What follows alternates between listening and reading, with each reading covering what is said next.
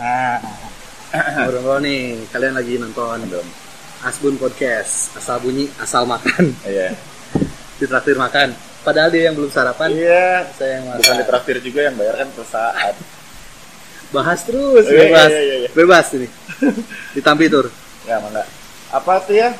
Apa deh? Sarapan? Mau apa? Enggak, udah. Sebenarnya tinggal comot deh. Enggak, tenang. Santai ya.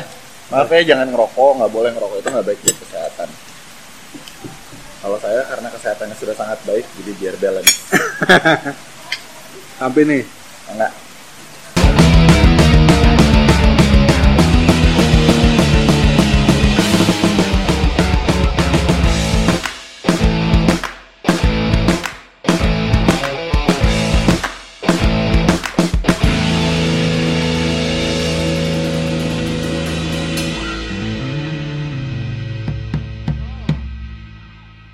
Bikin pertanyaan nih. Buat Arthur. Dari lulusan DKP. Nah, ini dapat dapat hadiah nggak? Enggak lah. Ekspektasinya kenapa dapat hadiah? karena kan siapa tahu gitu. Enggak, enggak, belum ada sponsor. Iya. Hmm. Dia yang lulusan DKP. Ah. Yang ke hospitality, Mm-mm.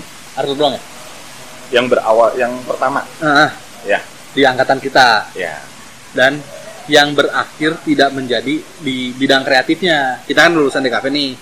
Di kreatif, Markom kan di hotel di bagian kreatif. Iya, cuman Nggak maju spesifik. nggak spesifik di Iya. grafisnya lagi Betul, gitu. betul, Udah ke betul.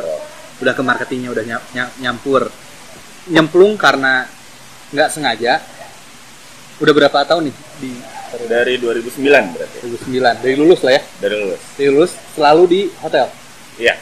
Pokoknya Sabtu ke wisuda, kan? Enggak, Sabtu wisuda, Senin udah di hotel. nggak pernah ke Times seperti itu Ke Gunung Agung sama ke Times Bookstore. pernah Pernah. tapi awalnya tetap hotel Oleh hotel. makanya ke hotel lagi nah pertanyaannya Nah.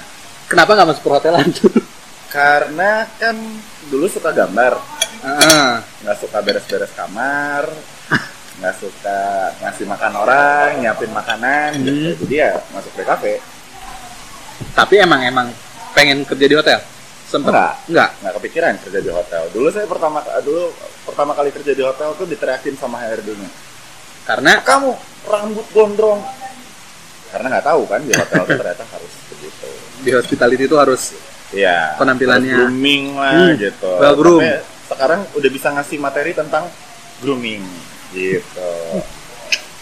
Pencapaian. jadi emang pas masuk nyari ada yang kosong aja sebagai fresh grader Enggak, waktu itu ditawarin sama temen, kebetulan ternyata dia adalah director of sales-nya di director of sales and marketingnya di salah satu hotel di ah, di salah satu hotel lah. Nah terus dia bilang, gue lagi nyari graphic design lah, gue graphic design. hmm Eh, ya udah, lo bisa nggak interview kapan? Jumat, jangan Jumat lagi gladi resik wisuda. Lu bener-bener bang itu udah ya? Iya, abis wisuda banget. Pokoknya Sab- Sabtu kan wisuda tuh. Ya udah Sabtu, Sabtu wisudanya. Ya udah Senin. Ya udah Senin. Di Interview. terus datang, gimana mau kerja di sini nggak? Mau. Hari itu juga langsung ke HRD tanda tangan kontrak. Besoknya kerja. Hari itu juga kerja. Hari, Hari Senin ya. langsung interview langsung kerja. Langsung kerja. Gitu. Saya 9 bulan nunggu eh 6 bulan nganggur. Itu kenalnya karena pergaulan. Jadi intinya ya harus banyak-banyak bergaul. Jadi kalau orang tua yang bilang jangan terlalu banyak nongkrong salah. Ada faedahnya kok. Ya balik lagi sih. Gitu.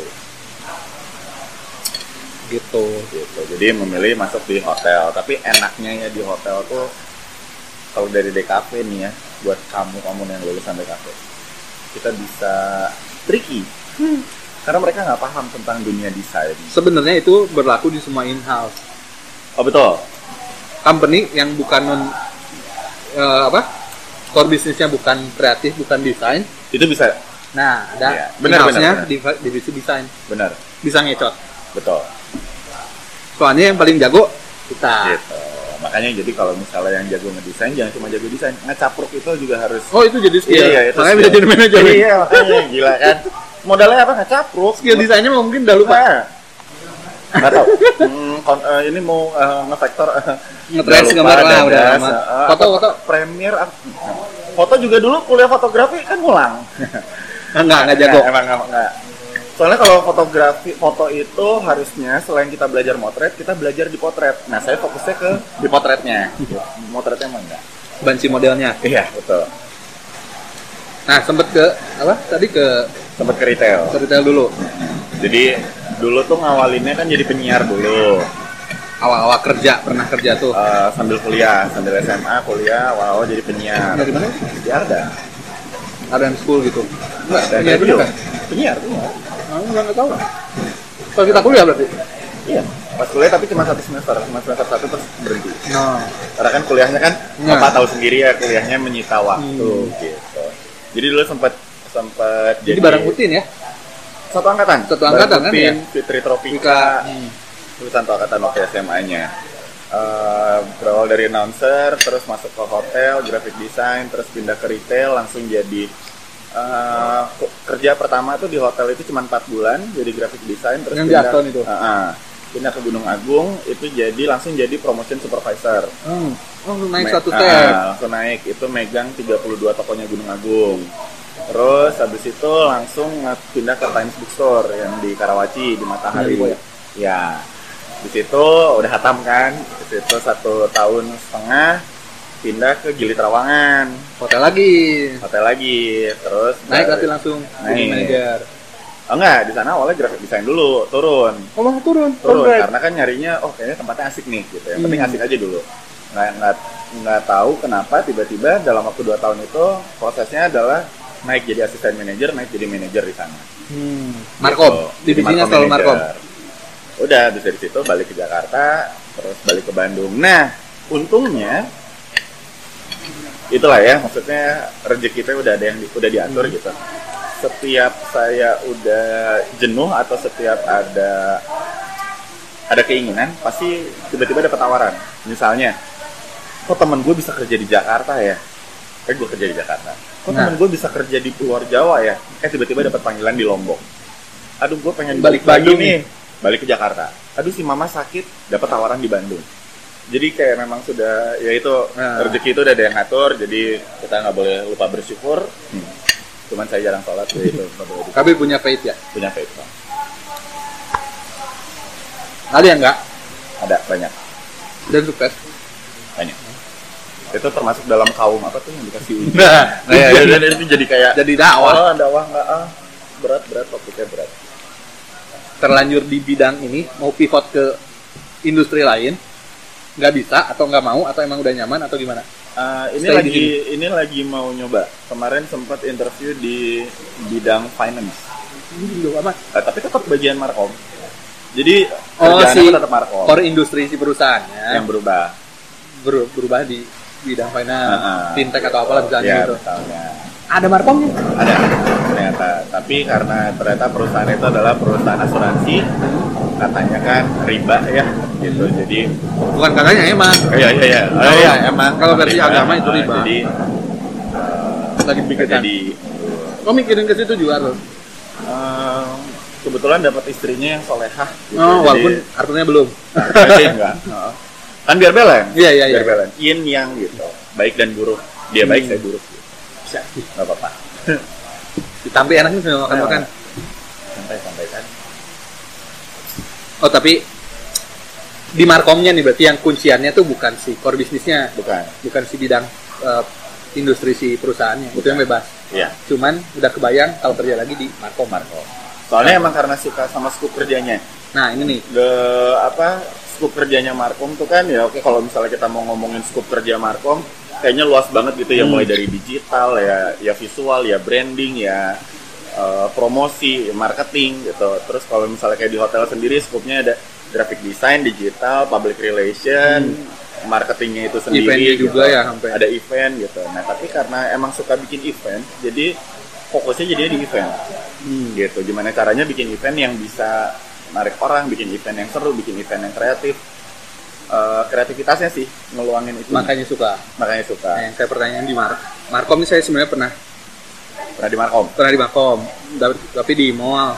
nah Di Markomnya ada PR, PR ya lebih ke tenan, oh iya tenan relation, ada graphic design, ada advertising and promotion nama event. iya Nah, saya di eventnya. Ada kerucutnya menjadi si Marco Manager. Betul. Terus bisa ada stepnya lagi nanti ke Jadi apa? GM atau apa nah. Oke. Kalau ah, berarti ada nih runtutannya. Nah, di Ada. sini Arthur ada nggak sebenarnya tuh? Kalau di hotel ada. Ada. Misalnya ada dulu dari GD nih. Awalnya di GD. Terus bisa jadi asmen, jadi manajer di Markom walaupun Markom mini departemennya. Betul. Nanti bisa ke sales berarti. Bisa. Bisa ke Eh, sales. di atasnya langsung sales and marketing. Langsung sales marketing. sales marketing langsung jadi GM, tapi saya nggak pengen. Tapi ada, berarti ada. Tapi ada. Ada arahnya ada. Ah. tapi nggak pengen. Nggak pengen. Jadi kalau misalnya interview kadang kan saya ditanya lima tahun lagi kamu ngebayangin mau jadi apa? Hah? Jadi markom. Karena eh, maksudnya bukan yang nggak pengen naik, tapi Hah? lebih pengen daripada menambah ilmu tapi ilmunya cuma setengah, lebih baik saya fokus karena di markom sendiri itu kan banyak banget ya. Maksudnya kita ngomongin tren, kita ngomongin eh, apa? Ya perkembangan zaman itu nggak Hmm. berhenti berhenti gitu dan di markom itu kan harus update terus dengan yang kayak Iya, gitu, yang kayak gitu. jadi lebih baik fokus mungkin kebayangin jadi vice president of Markom atau Tapi belum ada.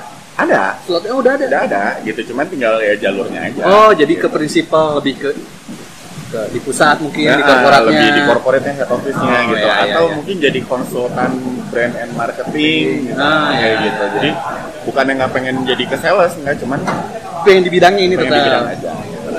lebih fokus berarti ya. lebih fokus Nah, tapi buat eh, ngukur indikatornya si Markom ini sukses ada nggak sih sebenarnya? Eh, Soalnya sih si Markom ini teh disebut PR iya jelas, uh-uh. disebut sales dan enggak. The sales sama marketing emang beda kan? Iya, emang Tapi beda.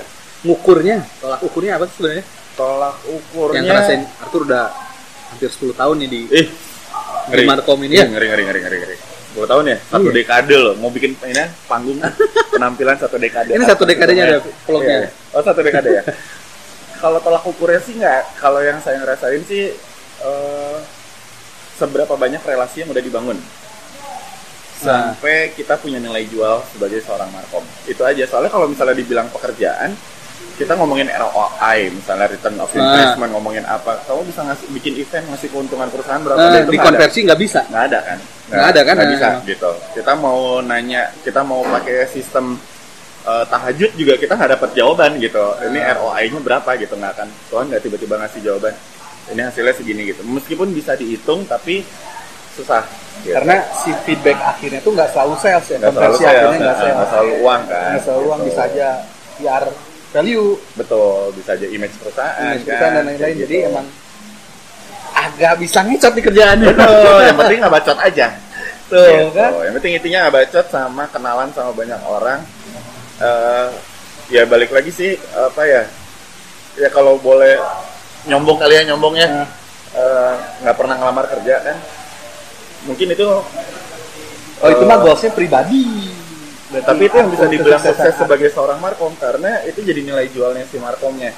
Berarti saya punya relasi yang baik, berarti saya punya reputasi yang baik, berarti yang saya kerjakan itu baik, berarti yang saya kerjakan itu bagus. tracknya benar. tracknya benar meskipun nggak ada tolak ukurnya tapi kepuasan mungkin misalnya ketika saya bikin event GM saya oh puas ngelihat konsepnya oh dia puas oh ternyata kreatif ya oh unik ya Terus oh si sales juga ngerasa ini ke backup, dibantu gitu apa. mereka ngejual juga jadi lebih gampang Oh, gitu. jadi tapi kan nggak ada angkanya Nggak ada angkanya nih, ada angkanya. tapi pasti kerasa sebenarnya ya kerasa nah Sama kerasanya itu seluruh ekosistem ini. Betul. Kerasanya. gila loh ekosistem loh bahasanya Iya kan beneran kan? Aldi Yator bahasanya ekosistem dan korporasi tadi ya kalau denger Nah, Iya kan? Iya, dari benar. semuanya gitu, dari Benar. si penghuni-penghuni ini gitu. Betul. Pos-posnya. Berarti ada walaupun nggak terukur dengan angka. Betul. Dan semua memang tidak bisa kita ukur dengan angka ya. Oh, Seperti cinta dan perhatian itu juga nggak bisa kan ya? Iya. Jangan ke mana-mana loh. Tadi ada break nggak sih? Ceritanya ada iklan dulu nggak sih? Ada tiba-tiba iklan apa brand apa? Si kalau ngomongin kerjaan lagi si challenge-nya di sini karena nggak ada apa ya? Iya nggak ada si goals hitungannya nih. Kalau sales kan jelas nih. Kalau goals hitungan ada. ada Goals hitungan ada. Misalnya eh, kalau dulu di tempat sebelumnya misalnya ya, KPI-nya itu ada tiga. Hmm. Pertama, follower sosial media naik setiap bulan 500 Oh, minimal. ada angkanya. Terus mendapatkan free value dalam satu tahun itu 2 miliar. Free value itu apa? Free value itu gini, misalnya kita masang, eh, kita kerjasama sama salah satu acara TV, misalnya eh, apa ya, Celebrity on Vacation. Misalnya. Dia syuting di kita, Hah? eh, kita cuma ngasih kamar doang, Iya. terus tayang. Nah, tayangnya itu kan ada angkanya tuh, Oh, barter promo. Barter promo, gitu. Ya, tapi ada angkanya. ada angkanya. Oh iya, iya. Nah, ada itu sih dulu kalau juga di total- mall juga ada KPI-nya. Iya betul. Nah kalau di total satu tahun harus 2 miliar. Itunya barter Gitu. promo. Jadi mungkin kalau misalnya kayak billboard gitu ya kita kerja sama sama kartu kredit, kartu kredit kan Hmm. pasti ada promonya, ada billboard, kita ada billboard gitu sama banking. Oh, itu berarti ya. Itu dua lagi. Dua, satu lagi sih lebih ke development diri. Itu Hmm. kalau di tempat sebelumnya. Hmm. Kalau di sini KPI-nya eh, gimana caranya bikin promosi yang tidak mempromosikan hotel. Oh. Halus. Eh, soft selling. Soft selling. Iya, jadi ngomonginnya destination. Kita ngomongin ke Bandung, di Bandung tuh apa aja, makanya sekarang kita lagi syuting-syuting di Braga, syuting di Bukit Moko, di mana. Jadi ngomongin tempat wisatanya, bukan ngomongin hotelnya. Wow. Jauh ya? Jauh. Jauh untuk jualan. Jauh Iya, banget. Jauh banget, tapi ternyata Efektif. eh, itu kan mau dilakukan oleh si pusat dari pusat ya. Oh, dari pusat. Dan itu serentak di seluruh dunia. Jadi ya kita ngikutin Oh, jadi itu plan si korporat ini. korporatnya. Sebut lagi tuh angka eh sebutan. Sebut aja. Enggak, enggak ada. Oh, korporasi. dari korporasi. Gitu. Jadi challenge-nya Challenge-nya kalau di hotel di markomnya ini, markom di hotel. markom itu gini. Sebenarnya di hotel itu markom itu adalah masih tabu. Hmm, hotel kan? tuh masih belum paham butuh butuh dengan- nggak butuh. Iya, Nah. naon sih mereka teh ngapain sih kerjaannya gitu. Jualan ada sales. Eh, eh, terus lu ngapain nonton YouTube doang? Terus apa mainan Instagram kayak Nah. gitu. Tantangannya itu sih ngerubah mindset hotel bahwa Markom markom. Oh, iya. Dulu kan kalau dulu kan di hotel tuh namanya PR. Nah, Tapi kan PR tuh kayak scoop kecil doang gitu. Iya. Sekarang markom. Makanya kalau zaman dulu tuh PR hotel tuh rata-rata perempuan pakai rok span, pakai cantik Hmm. gitu, dandan gitu. Kalau sekarang kebanyakan cowok-cowok yang yang rokok santai bebas gitu. Casual Karena, uh, uh, lebih nyarinya yang kreatif gitu. Akhirnya mereka menyadari bahwa divisi kreatif itu perlu. Perlu. Tapi rata-rata yang masih kolot-kolot gitu mereka belum terbiasa dengan apa sih ini kok kerjaannya kayak gini ya gitu apa sih itu ya pasti ya. Kayak Itu gitu. Tantangannya karena departemennya pun mini gitu. Iya. Nempel di satu departemen yang dan eh, eh, kayak apa sih anak bawang Ah, gitu anak bawang. lah anak tiri perusahaan Padahal impactnya besar. katanya harusnya. harusnya ya ya Harusnya. ya, ya. kayak kemarin nih misalnya eh, ada Natal acara Natalan kalau mau bayar entertainment kan mahal ya gue mintalah karyawan-karyawan gue bikinin mereka penampilan eh nanti kita latihan nanti bikinnya kayak gini gini gini itu kan something new sesuatu Nah. yang baru untuk perusahaan terus juga itu ngedevelop karyawan terus bikin eh, karyawan juga nggak boring dengan kegiatan Hmm. hariannya tapi HRD tuh masih bingung ini penting nggak sih sebenarnya ngapain sih Gitu. Oh, itu juga challenge. Jadi ngebuktiin padahal itu secara angka bisa ternilai, bisa Iya. nge-push budget. ngepus budget kan Budget. kita tahu ya budget tuh harus di nggak ada Kreasi ada. ada hiburan ada secara psikologis karyawan juga jadi nggak jenuh dengan rutinitas hariannya Nah, dia padahal itu bukan tanggung jawab kita ya. bukan Bukan tanggung jawab markomnya. Gitu gitu itu sih challenge-nya terus kalau challenge yang kedua adalah eh, goalnya sih sebenarnya itu tadi kalau tadi ngomongin KPI value Instagram itu mah dari perusahaan. Nah. kalau goal dari saya sih pribadi justru gimana caranya gue tahu selera GM gue gimana caranya gue ngedesain nggak perlu direvisi lagi karena gue udah tahu seleranya dia. Gimana caranya gue bikin press release gue udah tahu cara bicaranya dia kayak gimana. Ah, sampai nggak harus direvisi. Itu goalnya gue kalau gue udah tahu persona. iya kalau gue udah tahu udah nggak ada tantangannya lagi. Oh. Mengentertain si obos itu. betul Bukan mengentertain. Bukan mengentertain sih. Lebih ke biar dia nggak ngerepotin gue aja kan kadang kalau ini ini revisi ini revisi revisi gimana dia caranya? repot, kamu repot juga iya ya. dia sih nggak repot ya kan cuma doang. repot ini nggak beres-beres Iya. gitu kan. Ah, bagus. Gitu. Emang Gitu. kalau interview pasti trusted lah. apanya Ya sama kontennya Arthur. Oh, kayak gitu eh, apa ya padahal nggak menjual banget ya mari diminum lagi ini Cuap, tehnya cuap. alami loh dari alam ya iyalah masa teh buatan Oh ini awam nih, pertanyaan awam nih untuk orang yang kerja di hotel. Dapat fasilitas apa dari hotel? Awam. Kira- biasanya kalau orang awam tuh nanya gini ada lowongan nggak kalau nggak eh, Aing lagi eh, nganggur sih tapi nggak nanya itu. biasanya. "Ah, ada lowongan nggak ini anak saya atau sepupu saya kalau ini pertanyaan kedua oh, mau dong nginep gratis dong gitu Oh itu mah udah pasti Iya, di belakang. Nanti aku minta voucher. Fasilitas yang didapat atau ada nggak sih sebenarnya? ada Ada. Eh, fasilitas Beda level ya, apa beda. nih Ya fasilitas lain kayak kerja si hotelnya sendiri gitu dapat apa di hotel? kalau dapat apa biasanya kalau level manajerial Aha. itu pasti mereka udah dapat meals Oh, mereka meals. bisa makan di hotel eh, Selama gue kerja pokoknya pas kerja sehari sekali dari kali. tapi kalau di sales marketing karena kita sering mengentertain Hmm. kayak kita kan undang tamu gitu Nah. untuk entertain jadi akhirnya makannya jadi nggak kehitung Nah, karena kan kalau nggak sambil entertain masa ya gue yang nggak makan Iya. nggak enak gitu jadi ya udah makan makan ya akhirnya itu kayak jadi kayak benefit gitu terus betul. eh, bisa stay di hotel ya tapi itu sebenarnya bukan benefit karena orang mungkin ngeliatnya oh enak lu nginep di hotel itu teh kerja Ya dan gitu. nginepnya di kantor berarti. iya gitu kayak kalau kamu nginep di kantor aja gimana enak Ya, nggak enak kantor gitu. ini aja kantornya kebetulan hotel cuman ada kan kalau kita ada istilahnya MOD Manager on duty. yang kerjanya 24 jam ya memang malamnya memang nginep di kamar tapi kan boro-boro bisa tidur di kamar, gitu Cuman punya sehari aja gitu. iya Cuman gitu. ada lah fasilitas di situnya ya. ada nah cuman benefit di luarnya itu baru kerasa misalnya kalau karena relasi gitu dulu saya waktu saya pernah jalan-jalan ke Lombok nginep tujuh, tujuh malam pindah-pindah hotel dan itu nggak ada yang bayar karena relasi Itu sih bukan karena pekerjaan ya, karena pekerjaan karena personal tapi kan personal. dapatnya dari pekerjaan Oh ya, Karena gitu. tuntutan tidak menampik pekerjaan. dari Nah. pekerjaan juga. gitu. tidak melupakan lah bahwa itu dapat dari pekerjaan Seru juga ya. Seru, enak, bisa Mantap. liburan gratis. Kalau ini nih, tip and tricks do and don't buat Markomers Hotel. Uh, Uh. Terasanya tuh Arthur udah Markom banget nih. gila, gila, gila, banget. gila. Beri saya waktu 5 menit jangan ke mana-mana kita kembali setelah yang satu ini tetap di Aldiatar. Ini konten aja. Kan biar kasih waktu dulu mikir ini pertanyaannya nggak ada apa gitu. Nggak, Berinan sos- dulu sosokan Oh, aja. sosokan aja. Sosokan ini juga orang pas mana masuk, orang apa ya, nanya apa yang Oh gitu, sekepikirannya nah, aja gitu ya. sekepikirannya biar jadi konten. Oke. Eh, do-nya eh, speak up. Kalian harus berani speak up, terus berani beda sama eh, kata kuncinya sih berani. Eh, lo mau berani speak up, mau berani beda, mau berani ngelawan rules karena Markom itu it's all about creativity dan creativity itu nggak kenal rules tapi kita juga harus ngikutin jalur Wih, ini bisa di screenshot jadi quotes Oh nih. gila, nggak ada sih nggak ada quote. Eh, terus kalau donnya itu jangan mau diem aja dan jangan mau eh, jangan sering memuaskan orang. Bahasanya apa ya? Please, pleasing others gitu. Hmm. Harus berani bilang enggak gitu. Kalau misalnya menurut kita enggak ya Oh, bilang karena enggak. dibantah terus nih Markom. Ya kadang Iya, seringnya punya konsep dibantah lagi. apa sih apa sih?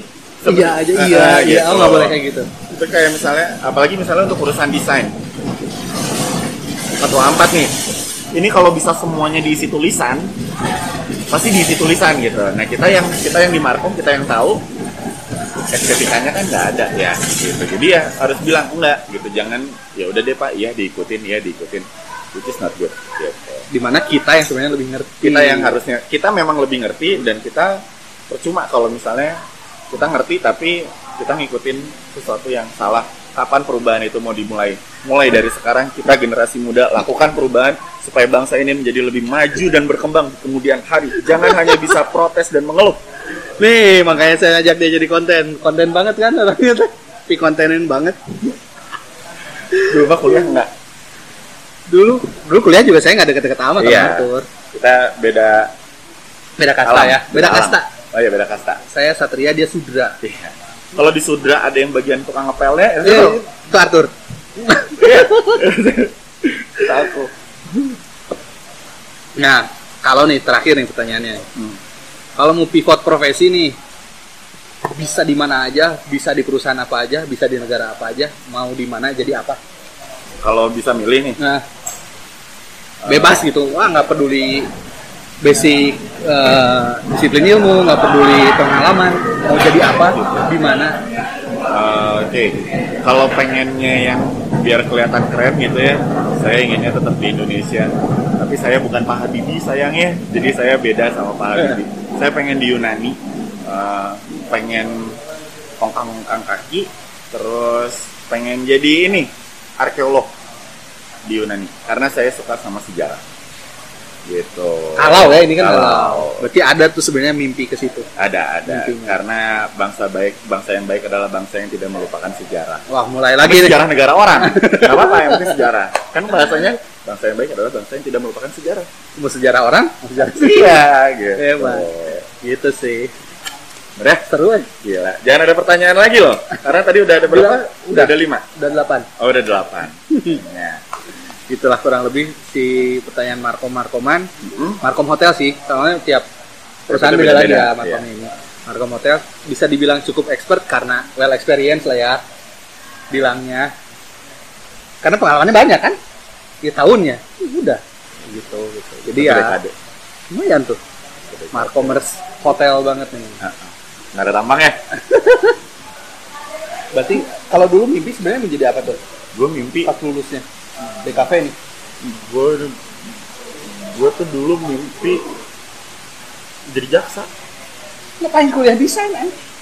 karena ternyata gue menyadari di SMA gue nggak punya jiwa kepemimpinan yang sekuat itu gitu.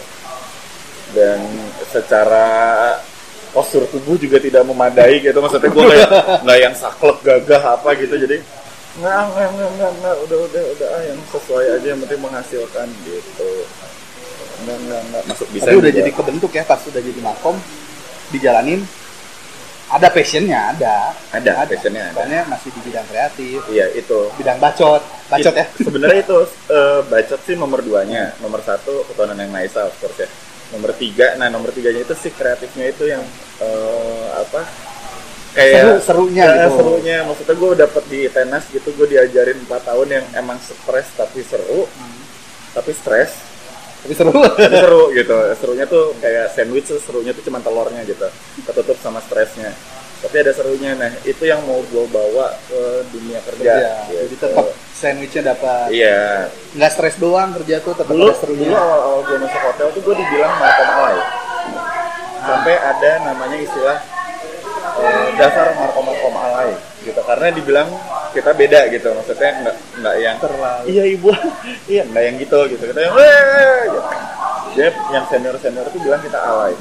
Tapi akhirnya gue bisa menunjukkan ke mereka kami yang muda-muda ini bisa menunjukkan ke mereka uh, shit happens deal with it we are your shit ya udah gitu. Dan ternyata sekarang mereka jadi kayak kita. Jadi alay juga. Jadi alay juga. Si meme eh kalau meme nggak sih Karisa ada kelas junior yang bareng sama Iya kalau tahu, salah. Nah, dia kan juga bareng. Nah dia kebetulan satu geng sama gue. Di? Di dunia hotel ini sama-sama markom yang markom alay. Disebut Dulu. dulu.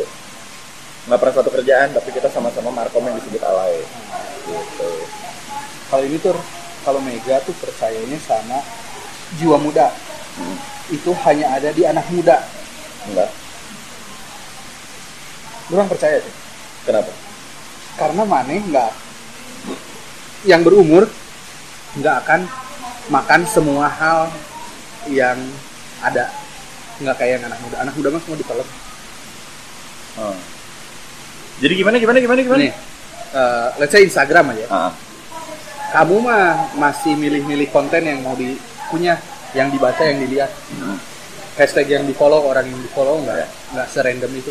Nah yang muda semua dimakan. Iya sih. Kita mah udah milih iya iya ya mah nggak cocok buat Iya, orang apalagi udah kepala tiga itu Iya, udah udah bisa udah diapa-apain ah, ngapain iya iya iya benar Nah itu teh ngaruh ke knowledge, ke insight. Insightnya kita makin mengerucut. berarti proses yang harusnya terjadi adalah ketika saat mau mengerucutkan itu karena di situlah kita membentuk kerucut yang mana yang mau diambil Iya, tapi kan kalau di bidang kreatif tuh sih skupnya harus luas. iya iya Iya, Jadi iya, yang iya. nah si yang muda ini yang dapatnya. Iya, Soalnya si. Mega staffnya. Narora, eh, Narora, terus buat insight orang nggak akan dapet terus apalagi wedding nih. Yang wedding mah selalu umurnya 25 lah. misalnya nggak akan berubah jadi 30 ya Ya, ada lah berapa. Tapi start start di stop di 25 nih. Ya.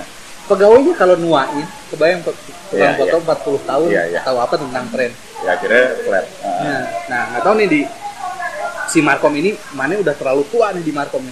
iya Berarti harus memberdayakan yang di bawah atau masih tetap dari mana si apanya ya? nah kalau gue kalau di sini karyawan gue bedanya 10 tahun dia umur 21 Fresh gradean. Nah, bahkan dia masih kuliah Oh. tapi dia lagi training terus akhirnya diangkat jadi karyawan karena Hmm. dia bagus menurut gue literally semua kreativitas dari dia Oh emang ya? emang dari Emang dia kan? akhirnya tapi gue hanya mengarahkan Nah, itu yang punya. Yang Jadi- berumur tuh itu berarti kan ya? step-stepnya oke lu punya ini ya udah berarti abis ini lu bikinin dalam bentuk kayak gini Ya. nanti ini lu sampein sampeinnya begini tapi idenya gue nggak merubah Ah. dan gue bukan tipikal yang atasan yang take it for granted Ah. gue yang maju nggak gue Nah. bakal nyuruh dia yang maju kayak dia nih sekarang jadi ketua New Year's Ah. umur 21 kayaknya itu challenge terbesar dia Bikin project. bikin project New Year's itu duit gede gitu dalam satu bulan festive season bulan Desember ya ide dia pak saya pengen temanya begini saya mau bikin gini nanti dekornya ngasih. biar cost budgetnya begini begini begini boleh Riz tapi eh, si GM Dikasih mindsetnya ya. ke sini Rambu-rambunya ah, sama Arthur. ngarahinnya gitu soalnya kalau kita Si- yang kreatif kayaknya udah Emang enggak ya? enggak ya Emang enggak ya? Emang jiwa muda emang ada di yang muda sih. iya benar-benar oke ya, ya. setuju Setuju kan? setuju Jiwa Untuk muda di bidang dia. itu ya, di bidang kreasi Kreatif. kerjaan gitu. Kalau sekedar main-main mah ya, yang Main. tua juga masih bisa bandel gitu.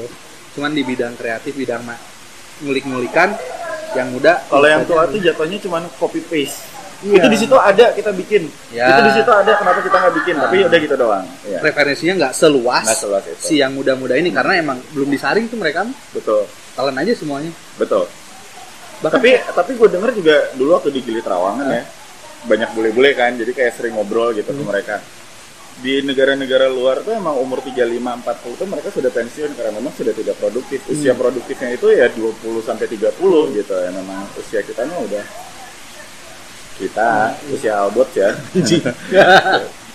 Oh tapi ada satu lagi passion gue yang eh, ternyata gue nggak sadar dan ternyata gue suka. Tapi sebenarnya masih berhubungan dengan public speaking masih berhubungan dengan event cuman beda konteksnya. Apa itu?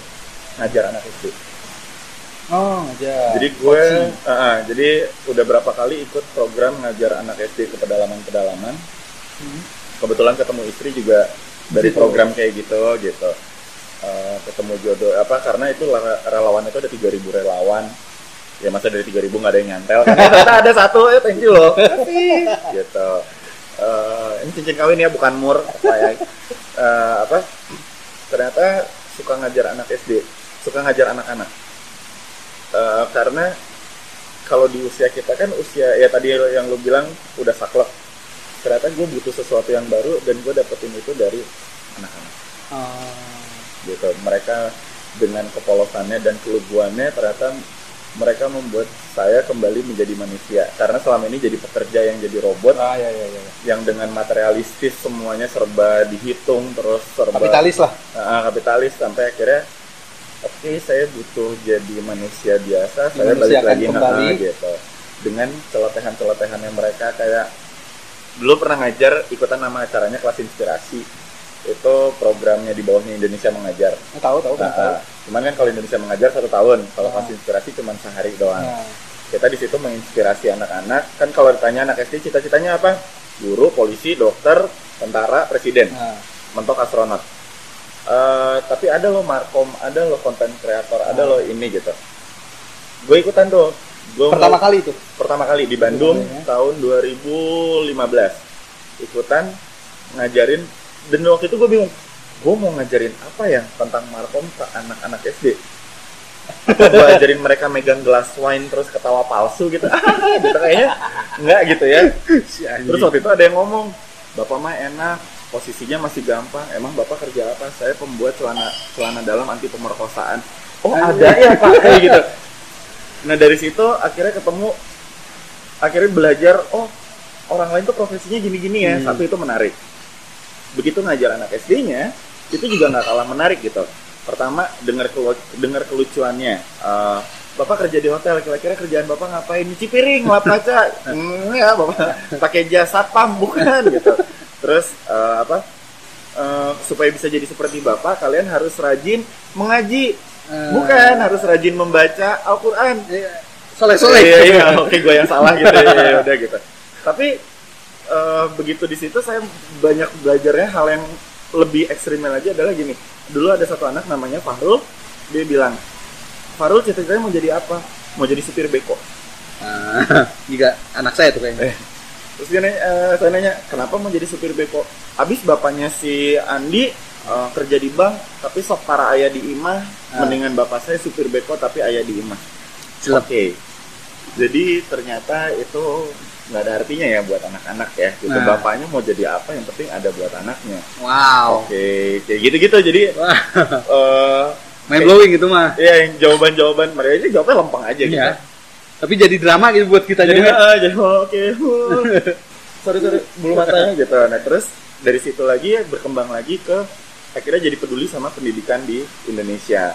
Bahwa ternyata pendidikan itu masih sangat tidak merata. Dulu saya pernah ngajar di SD di Pengalengan di mana anaknya harus berjalan kaki sejauh 5 km untuk sampai sekolah.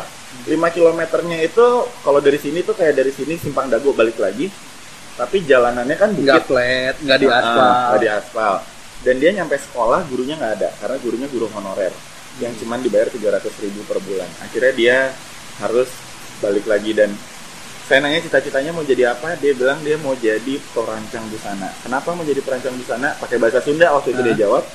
Soalnya saya nggak pernah punya baju baru. Baju saya selalu bekas teteh. Wah, Saya pengen bisa bikin baju. wajing, jangan udah udah udah udah udah. Ya gitu. Udah, udah.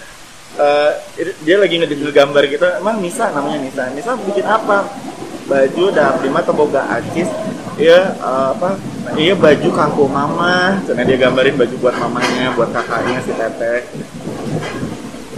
Oh. Nah, sebenarnya ngaj- ngajar apa itu tuh?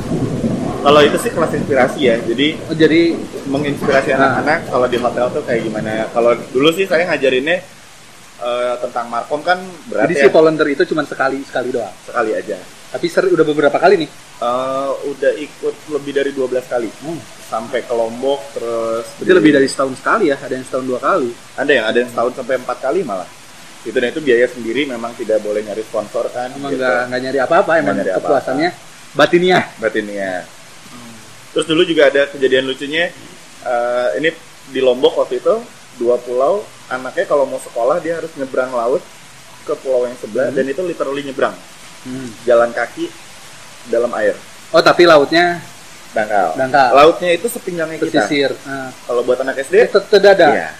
Dan dia bawa bukunya di atas gitu. Eh, itu sedih sih. Gitu. Jadi sampai akhirnya kita bikinin kayak tali, terus kita bikinin perahu-perahuan gitu buat mereka narik. Kadang ironinya perusa- eh, pemerintah ke mana nih? Nah. Gitu. Tapi kalau kita mau nunggu pemerintah, ya Lama. mereka kasihan. Hmm. Akhirnya kayak gitu. Akhirnya jadi peduli sama dunia pendidikan Indonesia gitu-gitu. Karena keseringan, awalnya sekali, Sekali. dua kali, sampai Iya. 12 kali sih ya pasti mau nggak mau. deep in tuh pasti. dan karena yang yang saya kagetnya buat gue nggak pernah tahu nih ya ada orang-orang yang komunitas yang ternyata peduli sama gitu Hmm. tapi dari situ ternyata dulu di Bandung sampai 4000 relawan banyak ya ternyata orang-orang Yang aware peduli. sama kayak gitu. cuman tidak diekspos Ah, karena kan media nyarinya mungkin yang agak pop ya, pro kontra gitu yang gitu-gitu kan kontroversi. terus kita nih masyarakat Indonesia tuh nggak dibilang Hmm. cuma bisa komplain kok Jadi sebenarnya. Arthur ngelakuin CSR di pribadinya. Iya. Ya, seolah-olah itu tuh CSR.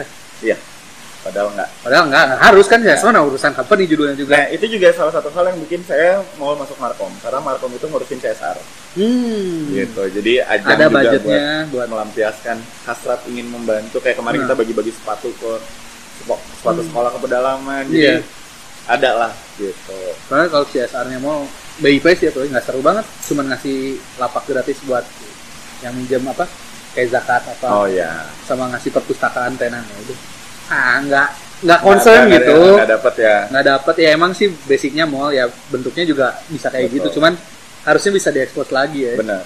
Nah itu itu saya pernah dan ke- alhamdulillahnya kepake akhirnya sekarang hampir berlaku di semua hotel. Hmm. Saya bikin statement kalau lagi buka puasa jangan pernah ngundang anak panti asuhan ke Hmm. hotel. Kamu bikin standar itu? Bikin standar. Dulu waktu itu masih di hotel di Jakarta. Janganlah kita bikin, jangan Ngundang. nggak usah lah ngundang mereka. Hotel yang sini. undang nih misalnya. Nggak perlu. Dan nggak baik secara apa? Secara ekonomi, kita secara budget dan secara psikologis. Ya. Faedahnya apa? Kita cuman mengeksploitasi anak-anak panti asuhan ini. Mereka datang, cuman makan, Kasih tote bag. kresek, Ya. pulang. Faedahnya apa? Oh perusahaannya kelihatan oh, Derma. peduli gini-gini. Iya kalau mau cuman peduli iya tapi kan kita harus ke core-nya, ke Ya. akarnya. kita cari tahu dong yang anak-anak itu butuhin apa. apa. Yang anak-anak itu butuhin tuh diajak ngobrol. Mereka nggak punya orang tua, mereka butuh diajak ngobrol. Kita yang datang ke sana, kita yang ngobrol gimana sekolahnya, udah sampai mana, ada yang susah nggak, kebutuhannya apa kebutuhannya apa. Kalau makan, mereka lebih lebih nyaman makan di tempatnya kok daripada diajak ke hotel.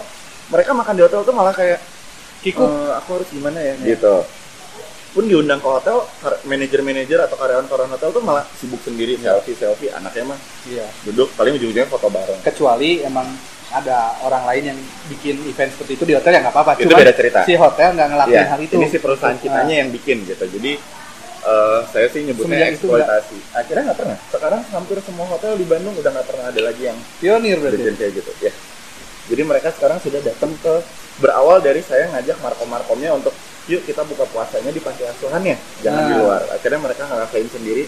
Nah lain kali lo kalau di hotelnya ya langsung aja datang ke panti asuhannya jangan ke hotelnya. Satu budget lo. Daripada Ya, lo ngundang bus gini mendingan lo yang ke sana naik motor. Kedua lebih dapat maknanya ke mereka. Gitu terus ya lebih target itu semuanya ya lebih targeted budgetnya pun lebih ya lokasinya lebih jelas lebih jelas buat kebutuhan mereka Iya, daripada kita nyiapin event, ada stage, ada lampu, ada apa, dan mereka nggak butuh. Mereka nggak butuh. ya kalau kata bahasa kalau engagementnya juga nggak ada Nggak ada, nggak ada. Ya itu yang paling penting kan engagementnya. Kayak gitu. Jadi itu achievement sih. oh Berhasil merubah standar di dunia. CSR Markom ini nah, seru ya gitu. Oke guys, sekarang udah jam. Enggak guys, net friend. Oke. Orang penontonnya. Oke net friends, sekarang udah jam Bro, 12 ya. Kayaknya nggak afdol kalau kita nggak makan siang, habis itu lanjut kerja. Emang mau ke mana sekarang? Kita nanti mau ke Hard Rock sama mau foto taking sama mau ke Gasibu. Hari masih panjang, jangan khawatir. Nggak ada. Padat juga jadwal Mas Arthur ini ya. Eh, Nggak cuma isoma dulu. perutnya loh yang padat, nggak cuma perutnya yang padat. Isoma dulu, istirahat, sholat makan.